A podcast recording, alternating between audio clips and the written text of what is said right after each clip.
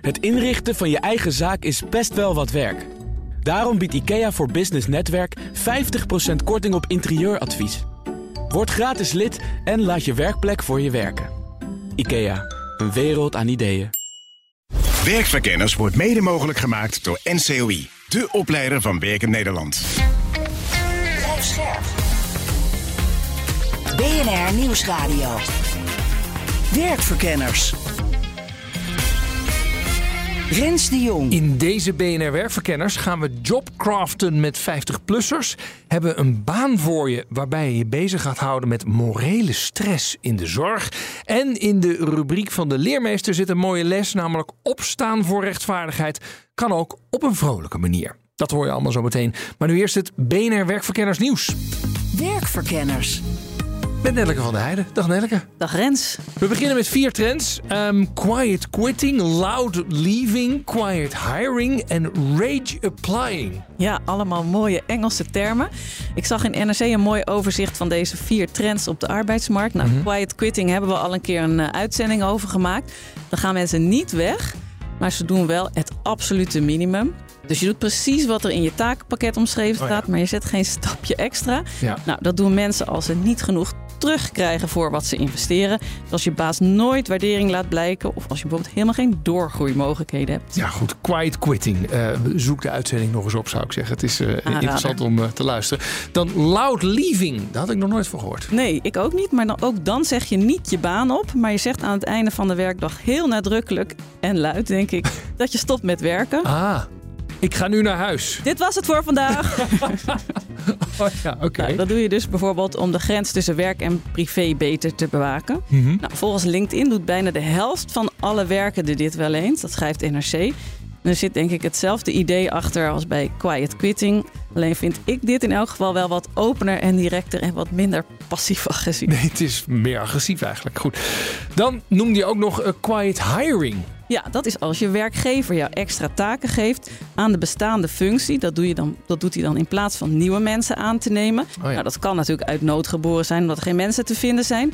Maar ja, het kan ook zijn dat hij denkt: ik wil jouw baan wat interessanter maken, wat meer verantwoordelijkheid geven, ontwikkelkansen bieden. Nou, dat is natuurlijk allemaal prachtig. Maar als je werkgever dat nou alleen maar doet om te besparen van nou, hier, die taken worden ook gedaan, het kost me niks, ik hoef geen mensen aan te nemen. Ja, dan vraag je natuurlijk een beetje om quiet quitting Ja. of om rage applying. Of wat? Rage applying. Rage applying. Wat is dat dan weer?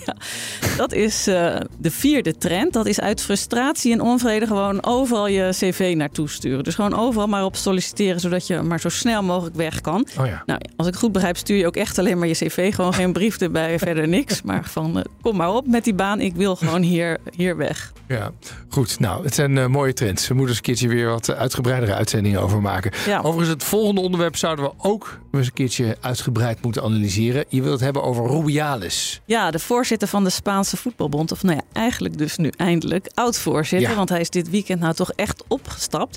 Het gaat om die kus op de mond van een van de Spaanse speelsters... eh, na het winnen van het WK. We deden toen met eh, werkverkenners eh, een paar mooie zomerspecials zonder nieuws. Dus we hebben het er nog helemaal niet over kunnen precies. hebben. Nee, nee. De, Nou, hoog tijd. Dus, want van alle kanten werd er druk op hem uitgeoefend. Maar hij bleef gewoon. Maar hij zag niet in eh, hoe grensoverschrijdend hij bezig was geweest. Nou, de FIFA had hem al geschorst. Heel veel vrouwen weigerden überhaupt nog eh, te voetballen zolang hij daar bleef zitten. Maar ja, de eigen Spaanse voetbalbond die bleef heel lang achter hem staan. Maar ja, die heeft inmiddels toch ook ingezien... ja, dit is toch niet zo handig. Treed toch maar terug. ja. Heeft hij het zelf nu ook ingezien? Heeft hij al gezegd, nou ja, sorry, ik zat toch verkeerd? Ik weet niet of hij echt inziet dat hij verkeerd zat. Maar ja, hij merkte wel, het is onmogelijk om mijn werk te doen. Dus eh, ja, hij is opgestapt. Mhm. Ik denk dat het ook te maken heeft met de officiële klacht die Hermoso, dat is de speelster om wie het gaat, de officiële klacht die zij vorige week indiende. Want die had het Spaanse OM nodig om hem te kunnen vervolgen. En dat doet het nu ook voor aanranding. Mhm. Staat toch één tot vier jaar cel voor. Oké, maar en dat gaat gewoon ook nog door, ondanks dat hij zijn baan heeft opgezegd. Daar ga ik vanuit, ja. Ja. Dan, uh, we hebben De overtreding staat toch nog eens? Ja, nee, daarom, maar check gewoon eventjes. Dan, we hebben het eerder al gehad over die 24 weken eis. Die geldt voor asielzoekers. Ja, die regel die bepaalt dat asielzoekers die nog in de procedure zitten en dus nog geen verblijfsvergunning hebben, dat zij maximaal 24 weken per jaar mogen werken. En dat is eigenlijk hartstikke Dat is, weinig. dat is gewoon niet te doen. Nee. Voor de asielzoeker zelf niet, om in een baan te investeren, voor de werkgevers niet. Nou, dat vond de Harderwijkse ondernemer Maarten van Panhuis ook. Die heeft toen een rechtszaak samen met de Nigeriaanse Elvis aangespannen bij rechtbank Den Haag. Die zaak heeft hij ook gewonnen. Ja, dus zei de rechtbank, je mag werken. Nou, toen hebben we ook even gesproken. Maar nadat de rechtbank die regel in elk geval voor Elvis van tafel had geveegd, zijn het UWV en het ministerie van Sociale Zaken en Werkgelegenheid in beroep gegaan. Nou, dat hoge beroep dat diende eind vorige week. Misschien is het leuk om hem weer even te bellen, Maarten van Panhuis, om te kijken hoe dat nou gegaan is. Nou, laten we dat gaan doen. Maarten, ben je daar? Jazeker. Eerst even naar de reden waarom dit hoger beroep eigenlijk diende. Snap je dat het UWV en het ministerie eh, dachten... we moeten hier wel even tegen in hoger beroep gaan? Nou, eerlijk gezegd, inhoudelijk begrijpen weinig mensen waarom er hier tegen een hoger beroep eh, gegaan werd. Maar als je de politieke nou ja, eh, eh, kleuren kijkt en, en waarom, hè, wat, wat de verschillende invalshoeken zijn van de politieke partij, ja, dan is het echt een politieke keuze. Zo zien wij dat. Dit speelt natuurlijk al in juni, mei, juni, dat wij dus een rechtszaak wonnen dat ze in hoger beroep gingen. En toen kwam de migratiedeal, waren ze mee bezig. En nou ja, dus men is al vooral bezig geweest eh, met het eh, vertragen van het, eh, van het hele proces. En daarvoor was een hoger beroep natuurlijk ideaal. Oké, hoger beroep is geweest. Hoe, hoe ging dat? Nou, wij zijn heel positief. Wij hebben denk ik vooral inhoudelijk kunnen aantonen waarom het zo belangrijk is. Eén, dat de 24 weken van tafel gaat. Omdat, en ik mocht zelf daar ook even wat zeggen. Ja, maar wat betekent nou in de praktijk? En dat, dat heb ik ook proberen aan te geven. Ja, wat, wat wij zien in de praktijk met de 24 weken. Hoe lastig het is voor werkgevers om eh, asielzoekers aan te nemen met alles wat erbij komt. En als je dan alle eh, stappen gezet hebt, ja, dan mag, je- mag je ook nog maar voor 24 weken aannemen. En dat gaf ik ook aan bij de Raad van State. Eh, sinds, de hoge beroep, of sinds de rechtszaak gewonnen is, tot aan het hoge beroep, hebben zeker 47, ik heb het even netjes in een lijstje gezet, werkgevers zich gemeld van joh Maarten, op het moment dat die 24 weken eraf gaat, bel me, dan ben ik bereid asielzoekers aan te Ja, ja. nemen. Maar niet als het maar 24 weken is. Ja, ja. En nou, dat konden we gelukkig goed duidelijk maken. Eh, het tweede was dat we inhoudelijk echt hebben kunnen aantonen, vind ik. Dat eh, het in strijd is met Europese opvangrichtlijnen. En dat we daar echt een goed verhaal in hadden. Het derde, en dat is een beetje het meest onzekere in deze hele kwestie, is dat de, de, het UWV en de minister hebben aangedrongen op, noemen ze prejudiciële vragen. Dat houdt in dat ze zeggen, ja, wij vinden dit te complex. En de Raad van State moet dit eigenlijk ook te complex vinden. En daarom eh, vragen stellen aan het Europese Hof. Van hoe moeten we die regel nou interpreteren? Waarbij wij gezegd hebben, ja, ook dit is weer eh tijdswinst. Vertraging. Wat ze proberen met deze truc. Ja, vertraging, omdat in de migratiedeal bijvoorbeeld heeft gestaan dat de 24 weken afgeschaft mocht worden. Mits er ook op andere punten eh, nou ja, meebewogen zou worden door onder andere de coalitiepartijen eh, ChristenUnie en D66. Dus wij zeiden van ja, maar het, het, het is al bijna van tafel geweest. Het is Dus helemaal niet zo Waarom zouden we die Ja, ja. vragen stellen? Ja, ja. Eh, Nee, en, en wij zien het ook als een vertragingstactiek hoor. Om die eh, vragen aan het Europese Hof. Want dan ben je al andere, ja, één tot anderhalf jaar verder. oh ja. En dat- wanneer, dat is- wanneer is de uitspraak in deze? Weten we dat al? Ja, de rechter, de, de, de Raad State heeft gezegd dat ze hopen binnen zes weken uitspraak te doen. Oké. Eh, dus ja, het is nu gewoon fingers crossed eh, de komende weken. En Elvis, mag die Ja, al wel zeker. werken of niet? Ja, die, die is aan het werk. Die was er ook niet, want die wilde werken. Want die, vond, eh, die, moest, die wilde gewoon zijn geld verdienen. En daarnaast, en dat vond ik wel op verrassend... tijdens de Raad van State werd de uitspraak gedaan van het UWV... dat zolang de beroepsprocedure loopt... Elvis gewoon mag blijven werken... Dus ehm, dat geldt helaas dus niet voor alle andere asielzoekers. Maar Elvis mag gewoon blijven werken zolang de hele rechtszaak loopt. En, en wat doet Elvis nu? Ehm, Elvis was eh, vorige week druk bezig, weet ik, met de eenden inpakken. Wat zijn taken deze week zijn, weet ik nog niet. Maar eh, nou, hij was eh, eh, druk bezig met, bij dezelfde werkgever nog, bij, eh, bij Thomas in Ermelo. Goed zo. Elvis is stil in de building. Hartstikke mooi. Eh, dankjewel Maarten. Graag gedaan. Rens de Jong. En dan de themavraag van deze uitzending. En die gaat over jobcrafting. Sleutelen aan je baan. Zodat die leuker en of passender wordt. We kijken hoe de 50-plusser daar baat bij kan hebben. Het is waarschijnlijk voor iedereen nuttig om te kijken wat je doet en hoe je dat doet. En hoe dat leuker of beter kan. Maar er zijn ook specifieke wins speciaal voor die oudere werknemers. Zoals je baan zo craften dat je fluitend je AOW haalt en misschien zelfs nog wel langer door wilt gaan. We zien gewoon landelijk de cijfers van het CBS dat 50% al voor de pensioengerechtigde leeftijd stopt met werken. En in een arbeidsmarkt die heel schaars is, is het heel fijn als mensen doorwerken. Het gevaar bestaat dat deze groep het al allemaal wel best vindt en de tijd gaat uitzitten. Ik vind ze hartstikke aardig hoor. Dat is helemaal, eh, dat is het probleem helemaal niet. Maar, maar... Maar ze scoren natuurlijk slecht op eh, mobiliteit. Een van mijn gasten valt zelf binnen de doelgroep en is ook daadwerkelijk aan het craften geslagen. Dus ik heb eigenlijk inderdaad mijn eigen baan gemaakt. En dat hoeven helemaal geen grote aanpassingen te zijn. Het kan over kleine inimini dingen gaan. Die naar jouw gevoel misschien inimini zijn. Maar naar het gevoel van die persoon toch wel net even wat leuker maken. En het craften heeft ook verrassende effecten. Het kan dus zo zijn dat als je druk bent, dat je juist een extra taak gaat doen. Waardoor je toch minder werkdruk ervaart. In de loop der jaren kan het takenpakket zo gevarieerd en uitgebreid worden dat een van mijn gasten het vergelijkt met een bont versierde kerstboom vol met taakjes. En soms weet je zelf ook niet meer waar ze vandaan kwamen. En kun je de vraag stellen: vind je dat nog steeds terecht dat ze in jouw werk zitten? Of zou dat ook op een andere manier kunnen worden georganiseerd? Werkverkenners. Meer plezier in je werk, minder werkdruk ervaren, zin krijgen om langer door te gaan. Het zijn allemaal effecten die mensen ervaren die aan hun baan zijn gaan sleutelen. En mijn eerste gast is deskundige, zowel op basis van onderzoek, maar ook dankzij haar persoonlijke ervaring met jobcrafting. Ik ben Tinka van Vuren en ik ben uh, bijzonder hoogleraar vitaliteitsmanagement. Oh. Bij de Open Universiteit in uh, Heerlen. Mm -hmm. En dat uh, doe ik één dag in de week.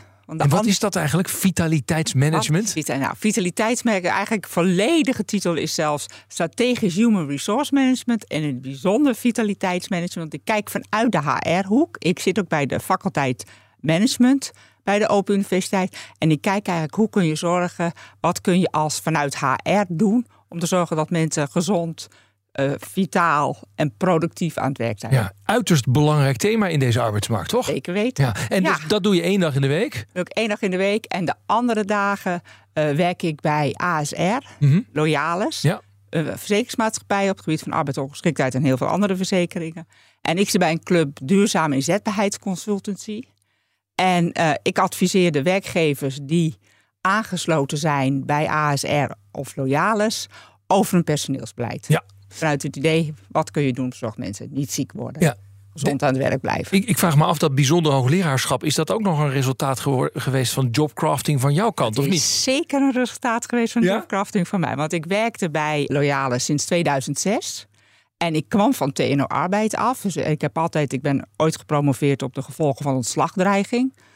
Wat betekent dat voor werknemers? Hoe gaan Ja. ze ermee om? En uiteindelijk dacht ik, ik wil meer naar de praktijk. Dus ik kwam bij een verzekeraar terecht. Maar ik miste toch een beetje de wetenschap. Dus op een gegeven moment ben ik dus naar de directeur van eh Loyalis Verzekeringen gegaan. En ik heb gevraagd van, eh, ik zou graag hoogleraar willen worden. Ja. Als ik nou een universiteit vind die dat ook leuk vindt, wil jij het dan betalen? Ja, En toen zegt hij, doe je best, geweldig. ga je gang. Ja, hoe lang ben je dat nu al dan? Sinds 2010. Wat is jobcrafting in jouw hoofd? Wat, wat is het? Nou, jobcrafting is volgens mij dat je aan je baan sleutelt, dat je eraan kneedt, aan kracht, om te zorgen dat die baan meer gaat passen bij wat jij kan en wil. En dat binnen de mogelijkheden die er zijn binnen de baan. Hm. Waarom is dit specifiek een onderwerp voor 50-plussers? Nou, ik denk dat het eigenlijk voor iedereen een goed onderwerp is. Mhm. Maar zeker voor de 50-plussers. Omdat die misschien de neiging hebben om te denken... ik ga een beetje uitrollen. Oh ja. Ik, En die moeten dan nog 18 jaar, maar, maar ze is heel lang uitrollen. Daarom. Ja. Hè, dus vanuit het idee... Vroeger hadden we waren aan het werk gegaan en dachten... nou, 61, 62, nou dat wordt het misschien wel. En toen hadden we misschien toen ze begonnen met werken... hadden we zelfs 57,5 Ja. jarige regelingen. Ja. Dus dan denk je misschien, nou, het maakt niet zoveel meer uit. Hè, maar het maakt juist heel veel uit. Ja. En de- ook, en waarom toch ook specifiek voor die 50-plussers binnen de bestaande banen? Want als jongeren denken van, nou, dit werkt, maar ik weet niet of dit het is. Dan denken ze, kijk lekker even om me heen. En eh, er zitten tien werkgevers aan me te trekken. Ik kom zo aan het werk. Mhm. En wat je ziet, is dat voor de 50-plussers dat minder makkelijk is. Ja. Die blijven dan vastzitten op die baan die ze steeds die, minder die, leuk, leuk vinden. Dus, en dat is soms ook met hele goede arbeidsvoorwaarden. Ja. Dus dat noemen we wel de, de, hè, de gouden kooi. Ja. Ze zitten vast binnen werk terwijl ze er eigenlijk niet gelukkig mee zijn. Ja. Terwijl ik denk, er kan heel veel. Want eh, kijk, en waarom zitten ze vast? Ik had net nog even gekeken naar wat cijfers. Als je ziet wie, heeft nou de, wie krijgt nou een WW-uitkering, dat is de helft is ouder dan 50. Mhm. Dus dat geeft al aan, dus op zich hebben ouderen niet meer kans om werkloos te raken. Ja. Maar als ze werkloos zijn, is het lastiger om aan een nieuwe baan te komen. Ja. Dus vandaar het gevoel dat mensen ook denken: ik moet blijven zitten waar ik zit. Ja. Maar dan is het dus, maar verroei niet. Ja. Ik denk dus wel, verroei wel. Ja. Eigenlijk denk ik, wil je het voor jezelf leuk houden, noem ik eigenlijk altijd: ga niet aftellen, maar ga meetellen. Oh ja.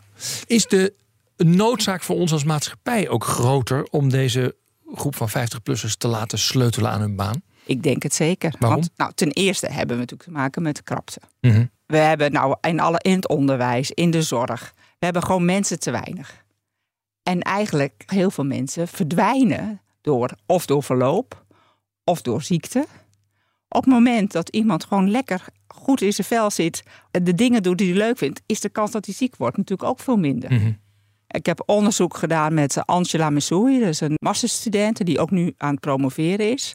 En die heeft uitgezocht dat als mensen niet eh, vinden dat ze hun kwalificaties helemaal up-to-date zijn, Ja. dan zie je ook dat ze zich ook vaker ziek melden. Oh ja. Dus het is heel belangrijk dat jij merkt dat wat je doet en wat je kan past bij wat er van je gevraagd wordt. En, en er zijn dus meer mogelijk. En dat jobkracht dat zegt eigenlijk, kijk gewoon, wat kan er? Bijvoorbeeld, ik heb ook wel eens een project gedaan eh, bij de stadsreiniging. Mhm. En dat waren natuurlijk hele praktische Ja. proeven. En dan gingen we juist kijken welke koppels je kon maken tussen jong en oud. Oh ja. En dan juist van, hè, want dan hadden de ouderen hadden heel veel ervaring met omgang met burgers. Die jongeren die moesten ineens denken, oh, oh, oh, ehm, hoe ga ik daarmee om? Dus dan ging je dat aan elkaar leren. Dus, eh, hè, dus dan, dan, je moet gewoon kijken, wat zijn dan de mogelijkheden? Dan denk je van, nou, dan zetten we die ouderen toch meer een beetje op die taak. Ja, dus dat is ook jobcrafting. Dat is ook Koppeltjes jobcrafting. maken. Koppeltjes maken, taken uitruilen. Ja. Van, nou, doe jij dit. Nou, en eh, wil jij dan die, die, die zware dingen sjouwen? Nou, dan doe jij dat wel, wat meer. Ga ik wel met die burger praten. Ja, ja. ja, ja. Dus ook daar weer, er is Ja. meer mogelijk dan is je meer denkt. mogelijk dan je denkt. Mijn volgende gast heeft in de gemeente waar hij werkt onderzoek gedaan naar jobcrafting voor 50-plussers. Mijn naam is eh, Emiel van Nassau en eh, ik werk als eh, strategisch HR en loopbaanadviseur bij de gemeente Lingewaard. Ja, en, en waarom hebben die een strategische loopbaanadviseur nodig? Omdat als er iets onder druk staat tegenwoordig, is het wel loopbanen. En de arbeidsmarkt is zo in verandering onderhevig dat het ook cruciaal is om heel veel aandacht te besteden aan, aan de loopbanen van, van onze medewerkers. Ja, je hebt net onderzoek gedaan hè, naar jobcrafting bij 50-plussers. Waarom? Ja, 50-plussers is een eh, categorie eh, die bij ons veel aandacht krijgt in onze gemeente.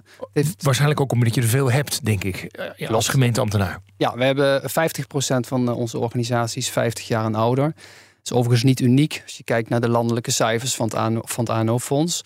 Ehm, maar het belangrijkste eigenlijk is waarom we daar aandacht aan willen besteden, is dat we ook gewoon zien dat het invloed heeft op de duurzame inzetbaarheid van onze medewerkers. De AOW-leeftijd wordt verhoogd, mensen moeten langer doorwerken, Mhm. het werk verandert, eh, digitalisering, AI, allemaal facetten die invloed hebben op werk en dus ook op de inzetbaarheid van, eh, van deze medewerkers. Maar is het dus de bedoeling, hoe houden we deze groep, eh, die in sommige gevallen dus nog eh, 17, 18 jaar moeten werken, hoe houden die zo lang mogelijk aan het werk? Met heel veel plezier. Ja, dat is het. Oh, dat is de toevoeging, zeg maar. Ja, ja, want wij hebben als gemeente Lingewaard eh, werkgeluk al hoog in het vaandel staan. Mhm. Wij doen daar periodiek onderzoek naar. Dus we scoren nu een 7,8. Maar wat we heel belangrijk vinden is dat mensen met plezier gewoon vitaal kunnen doorwerken tot aan de AOW. En in een arbeidsmarkt die heel schaars is, is natuurlijk alles meegenomen. En het is heel fijn als mensen doorwerken. Dus jullie doel is, hoe zorgen we ervoor dat die oudere medewerker eh, het nog heel erg leuk vindt op het werk en dat blijft volhouden tot zijn of haar AOW-leeftijd? Of zelfs daarna. Ja, ook oh daar ja. hebben we voorbeelden van. Oh, wat goed zeg. We hebben het hier over eh, jobcrafting. Eigenlijk, we doen het allemaal. We, we zijn de hele dag onze baan aan het eh, jobcraften. Dat klopt, alleen vaak doen we het onbewust. En eh, de kracht van als we leren hoe we dat bewust proactief kunnen inzetten, dan kunnen we ons eh, preventief eigenlijk eh, ontwikkelen om eh, om te gaan met veranderingen in het werk, zodat we continu een baanfit kunnen creëren eh, en mee kunnen bewegen, waardoor we dus ook met veel plezier kunnen doorwerken. Ja, maar dan vraag ik me af, waarom hebben we het dan over 50-plussers? Want dat was ook jouw onderzoek. Toen ik denk, ja, als je 25 bent, eh, mag je dit ook wel gebruiken, toch? Zeker. Wij gaan binnen de gemeente Lingewaard ook alle medewerkers deze opleiding aanbieden. Maar wa- wat de aanleiding voor ons is, is dat wij ook het belangrijk vinden dat deze doelgroep die binnen nu en 15 jaar geconfronteerd wordt met allerlei veranderingen, dat die prioriteit krijgen. Mhm. En we zien ook, en dat blijkt ook uit onderzoek, dat het voor sommigen ook wel lastig is. Als je jarenlang werkervaring hebt opgedaan, is het misschien ook heel vanzelfsprekend dat je met bepaalde situaties kan omgaan. En dat je denkt van goh, dat is helemaal niet zo moeilijk, dat, dat heb ik zo getackeld.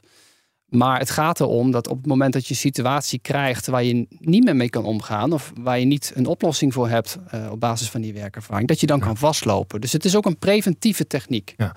Even voor mij, ik, ik heb behoefte aan wat voorbeelden. Geef eens een voorbeeld van wat je ook bij de gemeente Lingewaard hebt gedaan, waar iemand, een 50-plusser, zo aan zijn baan heeft gesleuteld dat het echt weer wat wordt.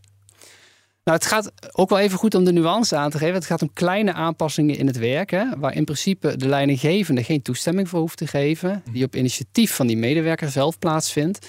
En uh, een mooi voorbeeld is van uh, iemand die uh, verantwoordelijk was voor bepaalde wetswijzigingen en eisen die ingevoerd moeten worden in de organisatie. Waarvan ze het gevoel had van ja, ik ben gewoon echt niet tevreden. Het is gewoon niet goed geregeld, het is niet goed ingebed.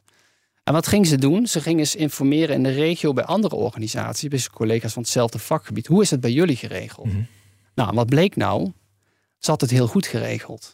Weliswaar misschien nog niet wat ze zou willen, maar het maakte op deze manier voor haar wel makkelijk om de situatie te accepteren. Wat mhm. weer invloed had op het gevoel van werkdruk en ook weer op het gevoel van uh, werkplezier. En wat is hier dan jobcrafting aan? Want dit hoort toch bij het takenpakket. Als je denkt ik wil iets invoeren, dan ga je dus met iemand praten. Hoe doe jij het?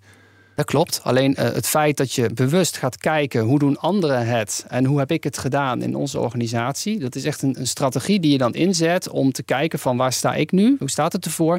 En het helpt gewoon om ook heel bewust te worden van uh, dat soms dingen ook gewoon uh, zijn zoals ze zijn en ook goed zijn. Dus het mhm. accepteren van die situatie, die maakt het dan weer makkelijker om vervolgens weer aan de slag te gaan met veel energie. Zijn er ook voorbeelden waar er echt taken bij komen?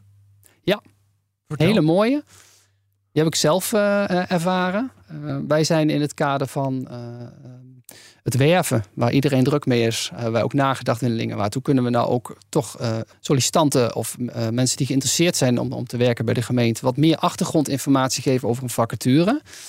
Nou, ik was altijd heel erg geboeid door het maken van podcasts. Dus daar ben ik nu druk mee bezig. En uh, toen heb ik uh, dat idee ge geïnitieerd. Uh, daar heb ik alle ruimte voor gekregen. Een collega van mij, die is heel muzikaal, die heeft een eigen studio. Die kan mixen en die kan alles bewerken. En wij zijn gestart met het maken van podcasts als aanvulling op de werving. Mm -hmm. En dat hebben we nu geïntegreerd in ons wervingsproces. Dus we kijken nu per vacature, is het moeilijk of niet? En welke strategie zetten we in? En dan gaan we daar een podcast uh, voor maken. Dus dat is een taak die we toegevoegd hebben in onze functie. Terwijl het niet echt heel erg bij jouw functie past, maar het leek je leuk om te doen en daar krijg je energie van. Ja, vind ik leuk. Ja, dat is wel interessant, hè? Want uh, dat is misschien niet de meest efficiënte manier. Want jij hebt nog nooit een podcast gemaakt. Dan moet jij het helemaal gaan leren. Iemand anders moet het allemaal gaan doen. Hoe wordt er dan naar gekeken? Heel positief. Ja? Want bij ons is het uitgangspunt uh, leren en, en doen. En gaat ervaren. En als het leuk is, zetten we door. Ja. Maar het kost je wel tijd. Ik wil, laat ik zo zeggen, een, een 50-plusser zegt ik. Uh, ik wil ook iets met mijn creativiteit. En uh, nou ja, die zou dan graag, uh, weet ik veel, iets creatievers doen bij de gemeente Lingewaard. Ja. Daar is diegene niet een, een trained professional in, maar wel gepassioneerd. Daar heb ik een heel mooi voorbeeld van. Een collega die had een passie voor het maken van foto's. En uh, die was daar privé ook hobbymatig mee bezig. En die heeft in die training ook gezegd: ja, ik wil daar gewoon iets meer mee. En die doet nu voor de gemeente ook uh, bepaalde projecten, maakt ze de foto's. Oh ja. In haar functie. Dus zij heeft ook een taak toegevoegd. En uh, ja, dat is gewoon heel mooi om te zien dat mensen vol passie gewoon dat werk op die manier uitoefenen. En het mooie is eigenlijk ook dat op het moment dat je zo'n taak toevoegt, ondanks dat je druk bent, het dus nog een positief effect heeft op de werkdruk ook, omdat je daar zoveel energie van krijgt. Ah, ja, ja dus die foto's, dat komt erbij. Ja. En toch voelt de werkdruk minder. Juist, ja. En mijn laatste gast haalt banen uit elkaar om ze vervolgens weer anders en beter in elkaar te zetten. Ik ben Luc Dormos, ik ben toegepast onderzoeker bij bureau De Baaningenieurs. Wij uh, ontwikkelen digitale tools om organisaties te helpen in het meer ja, toekomstbestendig maken van werk. Door samen met medewerkers een baan uit elkaar te halen en weer opnieuw in elkaar te zetten, zodat ze ja, beter en gezonder en leuker werk hebben. Ja, wat leuk. Uh, het helemaal uit elkaar halen van je baan. Wat zeggen mensen eigenlijk als je dat met ze aan het doen bent? Dat vinden ze in eerste instantie natuurlijk wel spannend. Want het lijkt dan net alsof je heel de baan gaat eh, shuffelen, reorganiseren. Maar het gaat eigenlijk om meer inzicht te krijgen in wat je eigenlijk doet in je werk. En wat je daarbij op onderdelen, uh, wat je daarvan vindt. En hoe gezond het voor je is, uh, al die taken in je werk. Of uh, welke taken er nou voor jou veel beter passen dan andere. Mm -hmm. En dan zie je dat mensen daar toch al in één keer heel inzicht krijgen in... oh ja, wacht, mijn baan is meer dan die plop aan werk die ik soms voor me zie, die af moet. Maar er zitten heel veel verschillende accenten in die, ja, die uh, mensen anders beleven. En, en hoe specifiek of hoe gedetailleerd doe je dat uit elkaar halen dan? Nou, dat taakniveau is dat je, nou, hoe gemiddeld het mensen ongeveer 10 tot 15 onderdelen uit hun werk prima uh, los van elkaar kunnen zien. Dus dan gaat het inderdaad wat meer vanuit de administratieve taken, tot aan de wat meer uitvoerende, tot aan de taken waarin je contact hebt met mensen, tot aan echt inhoudelijke taken waar je jezelf moet bijlezen of ontwikkelen. Ja, en op die manier, uh, op dat niveau, ga je eigenlijk aan mensen de vraag stellen van, ja, welke onderdelen in het werk zouden A, voor jou al anders kunnen. En misschien zijn ze ook al aan het veranderen. Dus iets wat gewoon in beweging is. En B, hoe zou je misschien sommige zaken gewoon meer of minder kunnen doen? Mm. Dus hoe kunnen ze een groot onderdeel van je werk worden? Of hoe zouden ze juist wat minder onderdeel kunnen worden naarmate ze ja, vervelender zijn, uh, fysiek belastender uh, of minder uitdagend dan misschien voorheen. Ja, want dat is de specifieke vraag die je dan stelt. Wat vind je eigenlijk van deze taken en geeft die een beetje energie of niet? Ja, dat, dat zou je het op kunnen neer laten komen. Ik zelf verbind daar nog wel wat meer aan. Dus het zijn ook al taken waarin je ook al voor jezelf duidelijk ziet. Zijn het nou bijvoorbeeld kerntaken? Hè? Als je kijkt naar waar je ooit bent voor bent aangenomen. Zijn dat dan ook de taken waarvan je denkt, ja, die zitten nog steeds genoeg in mijn werk? Of zijn het ja, ik noem het maar even kerstboomtaken. Iets waar je functie mee is volgehangen, of kerstballen, die ergens vandaan komen. Dat gebeurt gewoon met functies. Ja, dat kennen we misschien allemaal wel. En naarmate je langer in je werk zit, komen er dingen bij die je achteraf denken: hoe komt dit in mijn baan? En ja, daar kun je eens de vraag terugstellen van zou dat er nog in moeten blijven zitten? Ja, Biedt het je wat? Ja. Of zou het ook op een andere manier uh, kunnen worden georganiseerd? Voor wie valt de meeste winst te behalen? Is dat voor de persoon zelf of voor de organisatie waar hij of zij voor werkt? Ja, jobcrafting heeft altijd de connotatie van een hele individuele component. Dus dat mensen zelf met hun eigen baan eigenlijk gaan sleutelen om te kijken of daar hun eigen inzetbaarheid in kan worden vergroot. Uh, daar is het ooit mee begonnen en, uh, en uh, het onderzoek daarna liet ook zien dat mensen dit ook zonder dat je ze het ja, als een soort van opdracht geeft, dat ze dit ook al doen. Dus mensen zijn al van nature al op bepaalde manier jobcrafters. Soms heel groot, soms klein, maar je maakt aanpassingen in je werk. Um, zodat, nou ja, goed, het voorbeeld daarvan is als je twee collega's op hetzelfde moment starten in dezelfde functie, dat ze na twee jaar toch een andere baan hebben. Dat komt omdat ze toch dingen naar zich toe trekken die ze zelf interessanter vinden of afstoten die ze hm. niet zo goed kunnen. Dat doe je. Dat valt niet altijd op, maar dat gebeurt gewoon uh, van nature.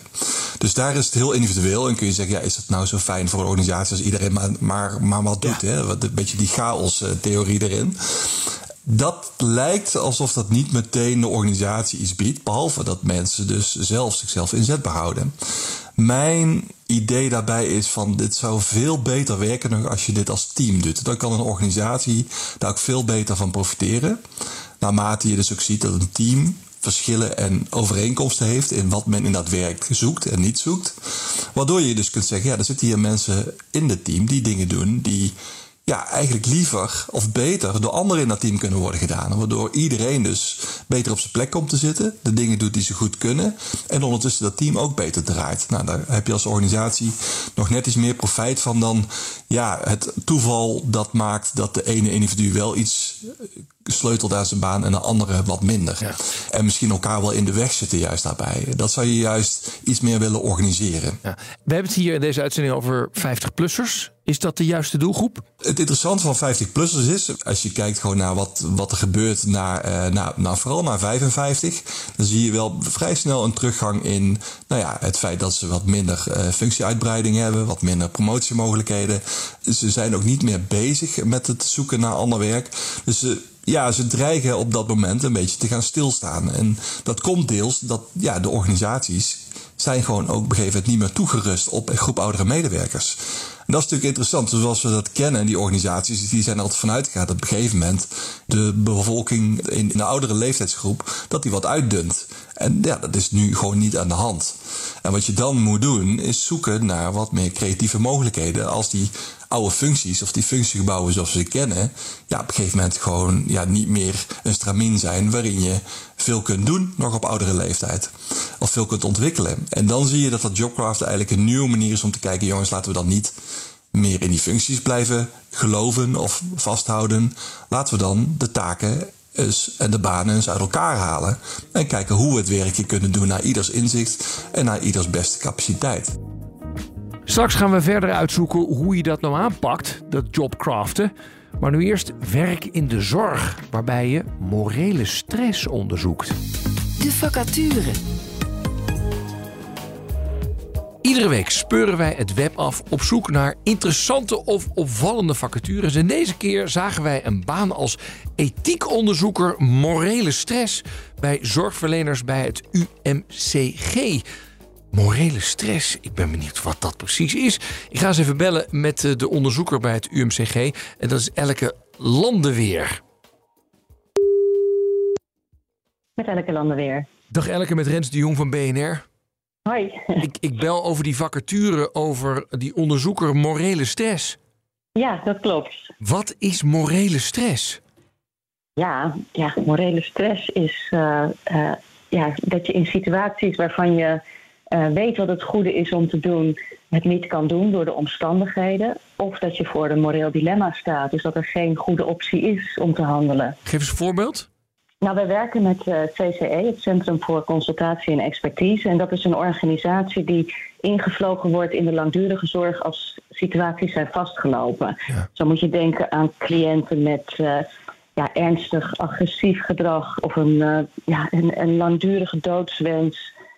Ja, waar, waar het hele team al ja, toch heel veel zorgen over maakt en kwaliteit van leven in het geding is. Ja, en dan, ja. en, en dan moet je dus als zorgverlener allerlei keuzes maken. En dat lukt soms niet. Ja, ja. ja. En dat moet je dus gaan onderzoeken. Nou, we gaan onderzoeken op welke manier ja, zorgmedewerkers in die langdurige zorg in vastgelopen situaties met morele stress te maken hebben. Mhm. en ook wat de rol van de consulenten van het CCE daarin kunnen betekenen. En of we zeg maar, die kennis die, die daar, ja, die daar ontwikkeld wordt en toegepast wordt, of dat ook meer preventief al ingezet kan worden voor de praktijk. Oh, en wat voor mensen zoeken jullie? Moeten die al ervaring ja. hierin hebben? Of? Um, nou, er is wel een opleiding hier in Utrecht, de Universiteit van Humanistiek, die biedt de master zorgethiek aan. Dus mensen die die opleiding hebben gedaan, die zijn bekend met, dit, uh, met deze methodiek. Uh, maar er zijn ook heel veel mensen die zich hier al in gespecialiseerd hebben, dus vanuit de filosofie of antropologie of sociologie. Dus het kunnen, kunnen verschillende ja, opleidingen aan, achter zitten. Maar je moet dan wel kunnen aantonen dat je wel ervaring hebt met het doen van ethiekonderzoek. Ja. En voor mij, wat maakt dit Ja. nou voor jou interessant, dit vakgebied? Ja, dit, dit is altijd een heel spannend veld. Omdat je, het is, er spelen altijd een heleboel partijen uh, een rol in dit soort situaties. Die allemaal wat vinden, die allemaal eigen belangen hebben. Iedereen heeft zijn eigen morele kompas. En dat loopt niet altijd synchroon met elkaar. Maar als het lukt om daar uh, ja, het in harmonie met elkaar te krijgen, dan, dan kun je soms hele mooie stappen maken. Dus ja, dit werk kan heel veel voldoening geven. Nou, ik hoop dat je iemand vindt.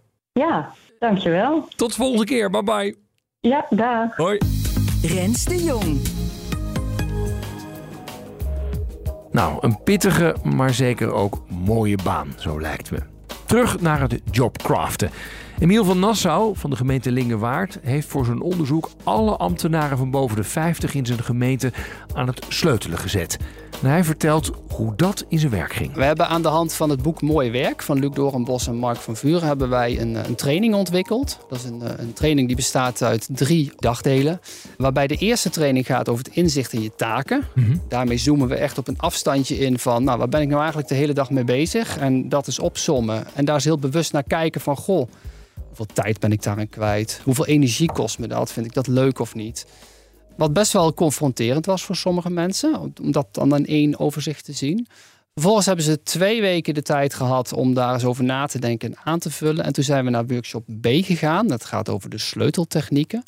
Waarin ze echt uh, voorbeelden te zien krijgen, maar ook de techniek leren welke sleutels je kunt toepassen en welke strategieën. En vervolgens gaan ze daarmee aan de slag drie maanden. En na die drie maanden hebben we een evaluatieworkshop gehouden. Waarin ze dus ook kunnen toelichten. Want ze hebben in workshop B ook een, een persoonlijk plan gemaakt. Heel Ja. concreet. Hè? Kleine stapjes. Wat ga ik doen? Wanneer? Hoe? Met wie? En vervolgens hebben we geëvalueerd van... Goh, hoe heb je het nu ervaren? Wat is gelukt? Wat niet? En, en wat heeft het je opgeleverd? Wat waren de grootste barrières voor de mensen? tijd. Je ziet dat mensen, en zeker deskundigen, als je kijkt naar die categorie die vaak heel druk is, graag kennis deelt, maar ook heel graag intern eh, eh, eh, werk wil leveren. soms ja, het lastig vindt om de tijd vrij te maken voor die eigen persoonlijke ontwikkeling versus de behoefte die er is op de, op de werkvloer. En een stukje onbewust bekwaam, bekwaam worden. Hoe doe je dat? Nou ja, je ziet gewoon mensen worstelen met, ja, dit doe ik eigenlijk al, maar het kan beter. Eh, hoe heb ik dat nou eigenlijk gedaan? Eh, dus het is wel echt een techniek die je eigen moet maken, waar je veel in moet oefenen. Mhm. Maar op het moment dat het lukt, dat ze daar heel bewust mee omgaan, dan zien we gewoon hele mooie positieve reacties eh, voorbij komen. Hoe moet ik dat dan zien? Je bedoelt, je kijkt naar alle taken die je hebt en je weet eigenlijk niet zo goed of je er goed in bent of niet goed in bent. Nou, dat klinkt heel raar, maar heel veel mensen stellen zichzelf niet de vraag: vind ik dit nu echt leuk? Ben ik hier goed in? Wat wil ik hiermee? Ja. En dat zijn echt Dus reflectievragen. Ja. Ja, want het is onderdeel van je baan. Ja. En om daar nu eens op een afstandje naar te kijken en daarop te reflecteren van, eh, ja, wie ben ik? Wat vind ik zelf belangrijk? Wat vind ik leuk? En da- daarop te gaan sturen, dat is toch iets wat we over het algemeen niet doen. Nee, niet geleerd hebben. Nee. Nou, maar het is natuurlijk ook nooit ehm, toegestaan. Want ja, je hebt altijd eh, van die corvée-taken in je baan zitten. Ja. En dan denk je, waarom moet ik dit in godesnaam doen? Weet je wel? Ja. En je, ja, omdat niemand anders het doet. Dus het is jouw taak. Nou, dat wil ik graag afstaan, maar dat mag meestal niet van mijn baas. Klopt, die zijn Ja. er. Je hebt corvée-taken. En dan is het interessant. Ik kan de taak niet weghalen. Het is een feit dat het onderdeel is van. Maar hoe ga ik ermee om en hoe kan ik het leuk maken? Zijn er manieren waarop ik het leuk kan En maken? valt dat inderdaad, zoals mijn kinderen, daar moet je af en toe een beetje appelmoes bij doen, willen ze het opeten. Dat valt met werk ook te doen, begrijp ik? Ja, precies. Dat is eigenlijk jobcraft ook. Dus heb jij eh, overleggen die saai zijn, waarvan je denkt, jeetje, dat vind ik helemaal niet leuk, die duurt lang. Nou, dan kun je eens kijken, kan het anders? Kunnen we het op een andere manier doen? Kunnen we gaan wandelen? Kunnen we misschien een leuk eh, borrel daarna doen of een lunch? Eh, Dat je, doordat je manieren vindt waardoor Ja. je denkt, ja, het werk kan ik niet veranderen. Dat moet gewoon gebeuren. Maar de wijze waarop ik het doe Ja. en met wie ik het doe, daar kun je wel invloed op Dus uitoefenen. als ik jou zo een beetje beluister, is het ook een heel groot gedeelte bewustwording dat niet alles wat je doet op een dag vaststaat en dat het moet op die manier. Precies. Je bent eigenlijk vrij om te doen, om het anders te doen, zodat het geen energielek is. Nee, het is echt een instrument wat proactiviteit creëert bij de medewerker eh, in, het, eh, in het uitvoeren van het werk. Ik kan me voorstellen dat je dat op alle medewerkers wil toepassen in plaats van alleen maar de 50-plussers. En dat gaan we ook doen. Ja. Daar zijn we al mee begonnen Ja. inmiddels. Ja. Omdat je zulke goede resultaten had met de 50-plussers. Ja. Ja. hele mooie resultaten, positieve reacties. We zien mensen meer bewegen op klussen. We zien ook de reflectie op gang komen. Waarin het veel meer gaat over de bewustwording van jezelf en je eigen werk. Mm. En het behalen van de doelstellingen van de organisatie. Maar ook je eigen wensen en je eigen inzetbaarheid. Ja. Zijn er nog andere mooie voorbeelden van mensen die veranderd zijn? Ik heb nog een voorbeeld van iemand die heel veel taken had, administratieve taken. Dat hebben we allemaal. Dat zijn een beetje de corvée-taken die je net noemde. Eh, waarvan die zegt, ja, weet je, ik heb de hele week moet ik dat tussendoor doen. Daar heb ik last van. Dat kost me de hele week energie. En die heeft daar gewoon heel simpel een, een andere manier voor bedacht. Die pakt nu vrijdagochtend eh, tussen 10 en 11. En dan pakt hij al die taken in één keer. En hij zegt eigenlijk nu van... Goh, ik heb nu maar één moment in de week... waar ik echt gewoon vervelend eh, vind om dat te doen. In plaats van vijf dagen in de week. En dan heb ik ook het gevoel dat het klaar is. En dan kan ik ook weer met een frisse moed eh, de week tegemoet gaan. Ja. Ja. En dat is heel eenvoudig. Maar als je er niet op komt of als je er niet bewust mee bezig bent, dan blijft het een lek. En dat heeft invloed op je inzetbaarheid. Jij hebt je vooral geconcentreerd op deskundigen. Klopt. Ik heb me gericht op deskundigen, omdat dat de grootste groep eh, eh, mensen is in, in de organisatie. We hebben 59% valt bij ons in de categorie deskundigen. En dat zijn functies die heel eh, specialistisch zijn. Mhm. Dus dat zijn adviseurs, projectleiders. We hebben ook ondersteuners en we hebben ook management. Dus je hebt eigenlijk drie categorieën. En deskundigen zijn eigenlijk mensen dus die, want dat is ook gemeten, wat vinden die mensen belangrijk om langer door te werken? En dat eh, is eigenlijk eh, contact met, eh, met cliënten. Vinden ze belangrijke voorwaarden, flexibele werktijden of arbeidsvoorwaarden en mentorschap. Dat zijn eigenlijk drie thema's die ze heel belangrijk vinden. En ehm, ja, 59% van eh, de kenniswerkers is onderdeel van onze organisatie. En je ziet uit de cijfers landelijk dat daar een, ook een tekort op komt. Ja. Dat het ook heel belangrijk is om, eh, om die doelgroep ook te behouden. Eh, en daarom heb ik mijn onderzoek daar ook op gebaseerd. Ja, het initiatief voor jobcrafting moet eigenlijk bij de werknemer liggen. Maar als werkgever heb je er echt belang bij dat je medewerkers op hun plek zitten en het werk met plezier doen. Maar de opdracht en je gaat nu aan je baan sleutelen, dat werkt niet. Zegt bijzondere hoogleraar vitaliteitsmanagement Tinka van Vuren. Want als je zegt het moet, Ja, dan wil niemand meer. Dan gaan we allemaal in de weerstand. Wat je wil, is eigenlijk mensen enthousiast maken. Dus je hebt eigenlijk altijd een soort voorlopersgroepje nodig. We hebben ambassadeurs nodig. gaat het vaak over kleine inimini dingen? Het kan over kleine dingen gaan. Heb je een voorbeeld? Alleen al het tijdstip waarop dingen gedaan kunnen worden. Hè, die zegt van nou, ik moet altijd, eh, weet ik veel, notulen doen. En dan willen ze altijd dat het direct dezelfde dag klaar is. Maar dan ben ik eigenlijk al helemaal gaar. Ja, Dus hoe erg is het als ik het nou de volgende ochtend doe? ja. Nou, Ja. aan de hand. Klein dingetje, energielek gedicht. Ja. Zo werkt het dan, hè? Ja. Ja. Kijk, het hele punt is wel, begrijp ik, het moet allemaal kunnen zonder dat je er naar de leidinggevende voor hoeft te gaan. Ja. Waarom is dat zo belangrijk? Nou ja, omdat je dan betekent dat het gewoon binnen de grenzen van je baan is. Hmm. En niet dat je eroverheen. Dat kan natuurlijk ook. Dat je soms denkt, ik wil wel naar die leidinggevende. Laat het maar wat substantiëler zijn.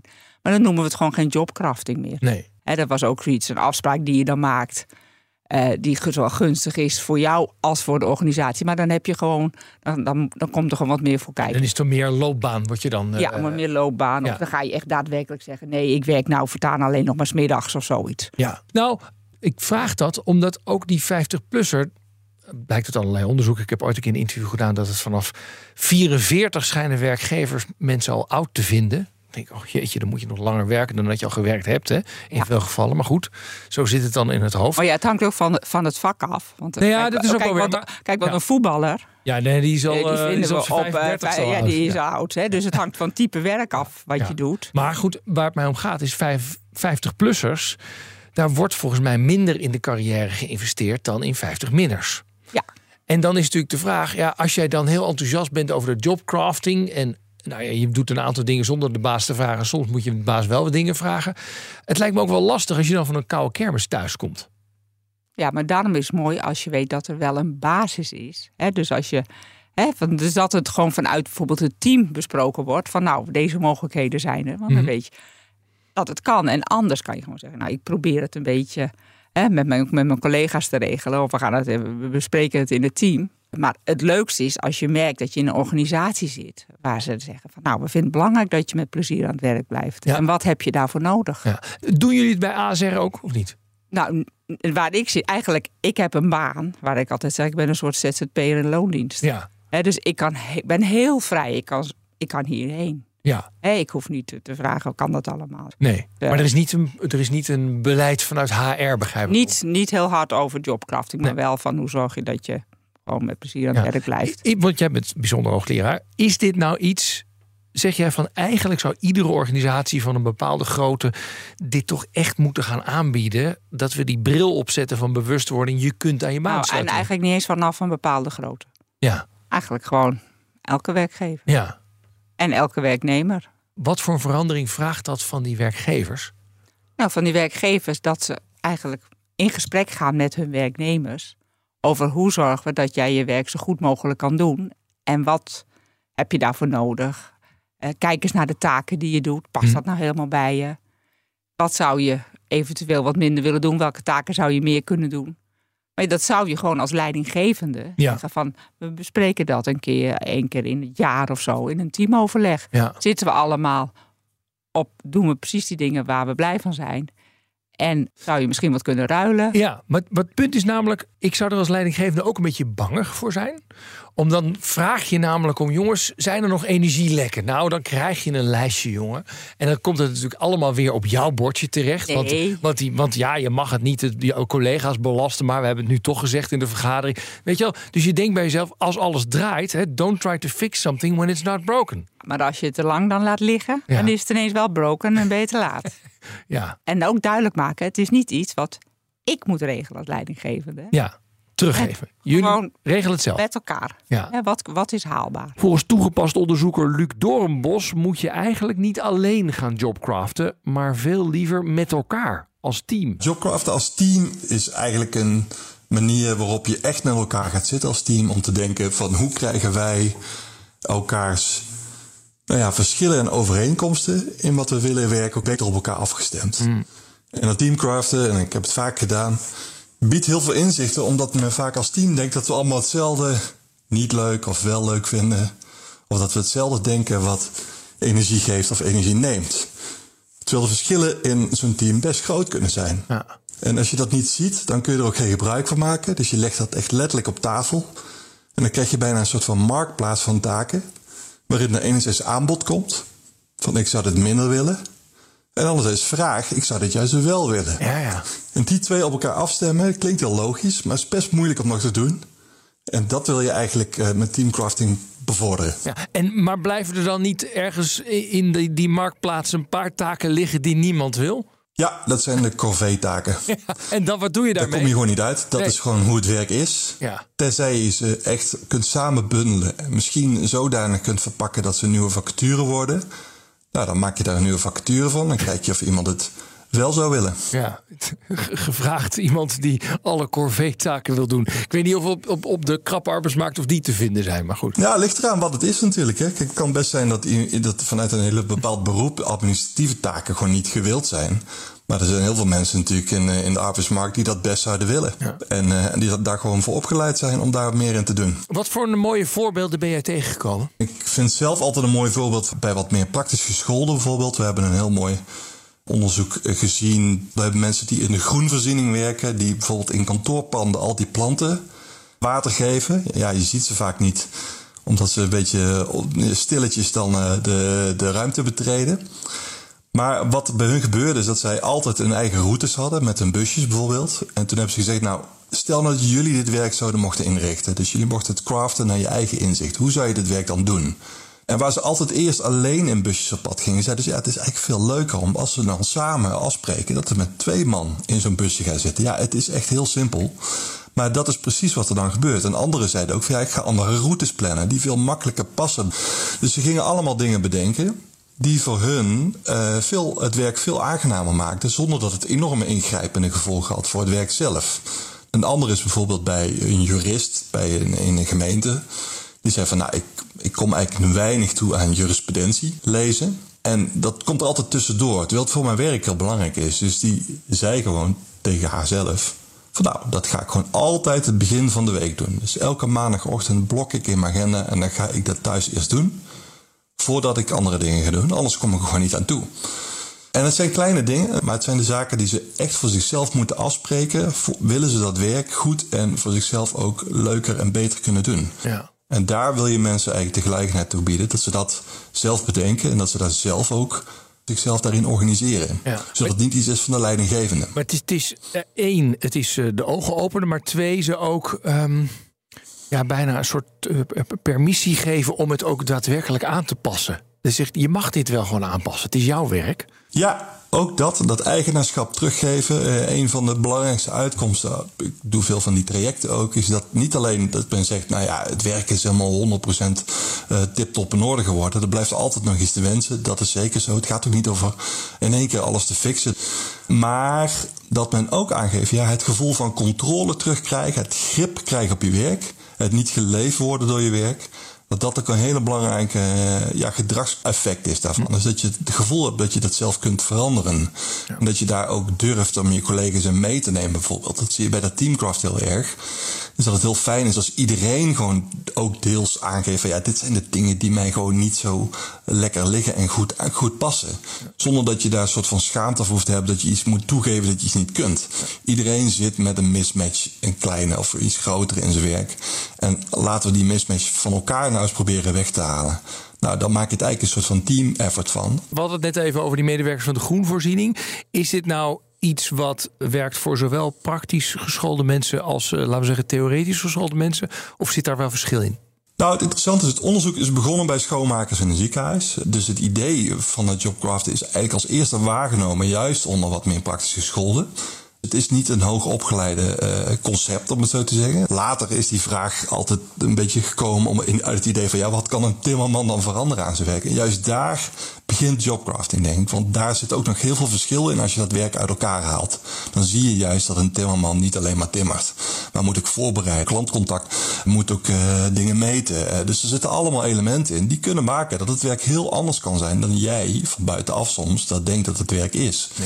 En daar neem je ze mee. Dus je hebt het niet over grote uh, vragen rondom wat is je talent en je loopbaanontwikkeling en je, en je career dreams, of hoe je het ook wil noemen. Je hebt het gewoon over werk en hoe je daarin een stap vooruit zou willen maken. En dat maakt het juist voor praktische school een heel interessant concept. Ook al moet je het dan vaak niet jobcrafting noemen. Dat is dan weer zo'n term, ja. Hoe noem je het dan? Dat is leuk voor ons, maar ik zou het gewoon ja, sleutel aan je baan. Uh, geef een draai in je baan. Uh, uh, maak, het, maak het voor jezelf een, jouw baan.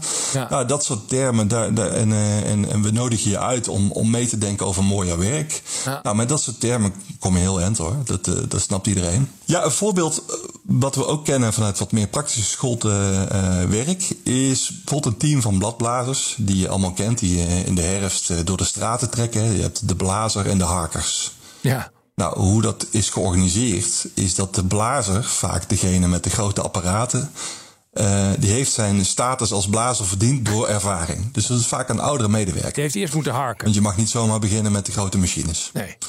De harkers zijn vaak de jongeren in het team. Terwijl als je kijkt naar de fysieke belastbaarheid, zou je kunnen zeggen, hmm, raar. Waarom is degene met de zwaarste machine en degene die misschien het minste kan dragen qua leeftijd, even vooropgesteld dat dat zo is. Waarom is die dan aan het badblazen? Nou, wat dan blijkt is dat er wel een, een, een voorbeeld is wat we kennen, waarin ze ook zeggen, ja, laten we dat nou eens anders organiseren. Die, dus de bladblazer geeft instructies aan de jongere medewerker, zegt zo moet je het aanpakken, leert hen iets en laat hen ook roleren met die machine, waardoor die bladblazer een hele andere functie krijgt, een andere rol krijgt in dat blaasteam. En als je blad blaast, dan hoor je niemand. Dus je, kunt ook, je bent geen onderdeel van het team. En door dat dus minder te gaan doen en meer dus die machine over te dragen aan anderen, kon ik dus meer in contact staan met de, met de mensen om zich heen. En dat was iets wat diegene dan leuker vond. Ja. En zo organiseer je op een hele kleine wijze eigenlijk uh, het werk zodanig dat het voor iedereen dus interessanter is.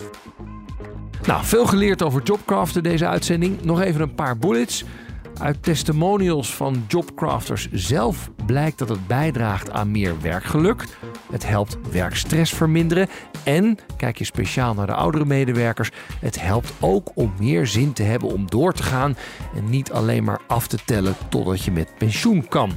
Het craften kan al in hele kleine dingen zitten, zoals bijvoorbeeld de corvée-taken samen of op een ander tijdstip te doen, of je rijroute naar een klant net even handiger te plannen. Voor het beste effect zou je met het hele team moeten gaan jobcraften. Want misschien vindt de een heel leuk wat de ander haat. Of zijn er taken die je kunt laten roleren. Of misschien wel samen doen. Ik zou zeggen, sleutel ze. De leermeester. Laatste onderdeel van deze uitzending, de leermeester. Wie zorgt er bij jou voor een kantelpunt in je carrière? Wie heeft je een inzicht gegeven waar je de rest van je leven iets aan hebt? Deze week bellen we met de leermeester van de oud-voorzitter van Dwars. Dat is de jongerenbeweging van GroenLinks, rechtenstudent Iris Vergeer. Dag Iris. Goedemorgen. Uh, wie is jouw leermeester? Uh, mijn leermeester is Barbara Omen. Zij was uh, een, prof, een, professor van mij aan het University College Roosevelt in Middelburg. Mm -hmm. en wat ik van haar vooral heb geleerd is uh, met, met vrolijkheid strijden voor de idealen. Ook al zijn dat hele grote, ingewikkelde vraagstukken. Maar om dat met vrolijkheid te doen en daarmee echt mensen te kunnen enthousiasmeren. Oh, en heb je met haar in de collegebanken gezeten of heb je nog meer gedaan? Ik heb met haar in de collegebanken gezeten. Uh, zij was een van de begeleiders van mijn scriptie ook. En ik heb ook met haar aan een aantal politieke projecten mee mogen werken. Oh, wat leuk zeg. Nou, we gaan er eens even bellen. Um, ze weet dat we bellen, maar ze weet niet dat jij het bent. Eens even kijken of ik het te pakken krijg. Komt-ie. Met Barbara Omen. Dag Barbara, met uh, Rens de Jong van BNR Nieuwsradio. Ja, goeiedag. Goeiedag. Ja, je weet het al. Uh, je, je, bent aangewezen als leermeester. Ik vind het zo spannend. Ik ben echt heel benieuwd wie dat dan is uh, geweest. Ik ja. heb heel veel studenten in mijn leven gehad. Ja, dus, precies, welke precies. nou net dit heeft bedacht. Ja, nee. nee heel leuk. Goed zo. Leuk, ja. ja, spannend. Nou, ik heb, ik heb degene aan de andere kant zitten. Het is een vrouw. Ja, maak je maar even bekend. Goedemorgen Barbara, met Iris. Hey Iris, och wat leuk. Oh, kijk, ik zat al te denken, wie, wie zou mij nou als leermeester uh, hebben benoemd? Wat ontzettend leuk, hoe is het met je? Goed, ik ben eh, net klaar met mijn bestuursjaar eh, bij Dwars. En ik, ik had vooral voor jou gekozen omdat eh, een van de motivaties voor mij om dat toch wel te gaan doen, is eh, dat ik het heel inspirerend vind hoe enthousiast jij, eh, jij strijdt voor alle idealen die stiekem toch wel heel serieus zijn en met welke vrolijkheid je dat doet. Ja. Ik dacht vroeger altijd van ja, ben ik misschien een beetje te, te vrolijk en daarmee misschien zelfs wel te kinderlijk voor de politiek. Maar door jou eh, had ik echt dat dat sociale ook juist een kracht kan zijn in de politiek.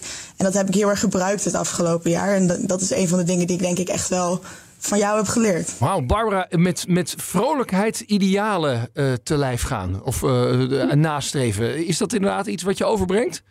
Eh, nou, eh, z- zeker. Misschien in, die combinatie. Vrolijk, volgens mij ben je dat of, of ben, je dat, ben je dat niet. Voor Iris, eh, nou ja, jij, jij bent natuurlijk ook hartstikke vrolijk. Ik ben ook, ehm, eh, ik hou ook echt wel veel van het, eh, van het leven. Dus volgens mij hebben we dat van, van, van nature. En ehm, dat dan eh, ja, ook inzetten voor idealen. Ik denk dat het wel een, een hele belangrijke is, omdat als je ergens voor gaat, het natuurlijk heel makkelijk is om te zien wat er nog niet is en wat er mis is. En om te somberen en om dan ja, ook wel stil te staan bij alles wat wel goed gaat. En ehm, nou ja, een van mijn, mijn lijfspreuken is vrolijk voorwaarts. Dus wat er ook gebeurt, ehm, toch nog vrolijk voorwaarts te gaan. Oh ja. dat, eh, dat herken ik wel, ja. Ja. Oh, en waar gebruik je dat dan? Vrolijk voorwaarts? Normaal gesproken zeggen mensen altijd, nou ja, moedig voorwaarts, toch? Dat is altijd... Ja. Maar jij zegt vrolijk voorwaarts. Werkt dat goed? Eh, eh, Bij alles, bij alles. bij, bij dingen die goed gaan, bij dingen die slecht gaan, bij eh, dingen die langzaam gaan. Ehm, eh, vrolijk voorwaarts is volgens mij altijd een goede om eh, eh, ter harte te nemen. Ja, Iris, heb jij dat ook al gebruikt? Vrolijk voorwaarts? Ja, in, in mijn rol het afgelopen jaar eh, helpt, hielp dat wel om mensen te enthousiasmeren. Want als je, als je kijkt naar de, bijvoorbeeld de klimaatcrisis, waar wij dan het meest mee bezig zijn, dan worden mensen daar toch ook wel een beetje moedeloos van. En dan, dan is het echt wel belangrijk om mensen ook te, kunnen enthousiasmeren en ook om een netwerk om je heen te bouwen. Want dat is vooral ook, eh, volgens mij kent eh, half links, links Zeeland Barbara. En eh, dat heeft me ook wel geleerd hoe belangrijk het is om, om die vrolijkheid te gebruiken. Om mensen om je heen te verzamelen en andere mensen ook enthousiast te maken voor jouw doelen. Wat ongelooflijk leuk dat we dit zo even zo op de radio konden uitspellen. Want het- volgens mij is dit een les voor iedereen. Vrolijk voorwaarts. Ja, en wat ontzettend je? leuk ehm, om dit eh, nou, zo, zo te horen en benoemd te hebben. En eh, nou ja, we zijn, we zijn allebei van deze school duidelijk. Goed zo. Hey, dank en jullie mooi wel. hier is. Graag gedaan. Dankjewel, graag gedaan. Hoi hoi. Fijne dag nog hè. Vrolijk voorwaarts. Hoi hoi. Vrolijk voorwaarts. Dit was Werkverkenners voor deze week. Volgende week dan krijg je weer een verse op dinsdag om 3 uur. Natuurlijk in je podcast-app kun je hem op ieder moment terugluisteren. Productie en redactie Nelleke van der Heijden, Emma Somsen. Mijn naam is Rens de Jong. Tot de volgende keer. Dag. Werkverkenners wordt mede mogelijk gemaakt door NCOI, de opleider van Werkend Nederland.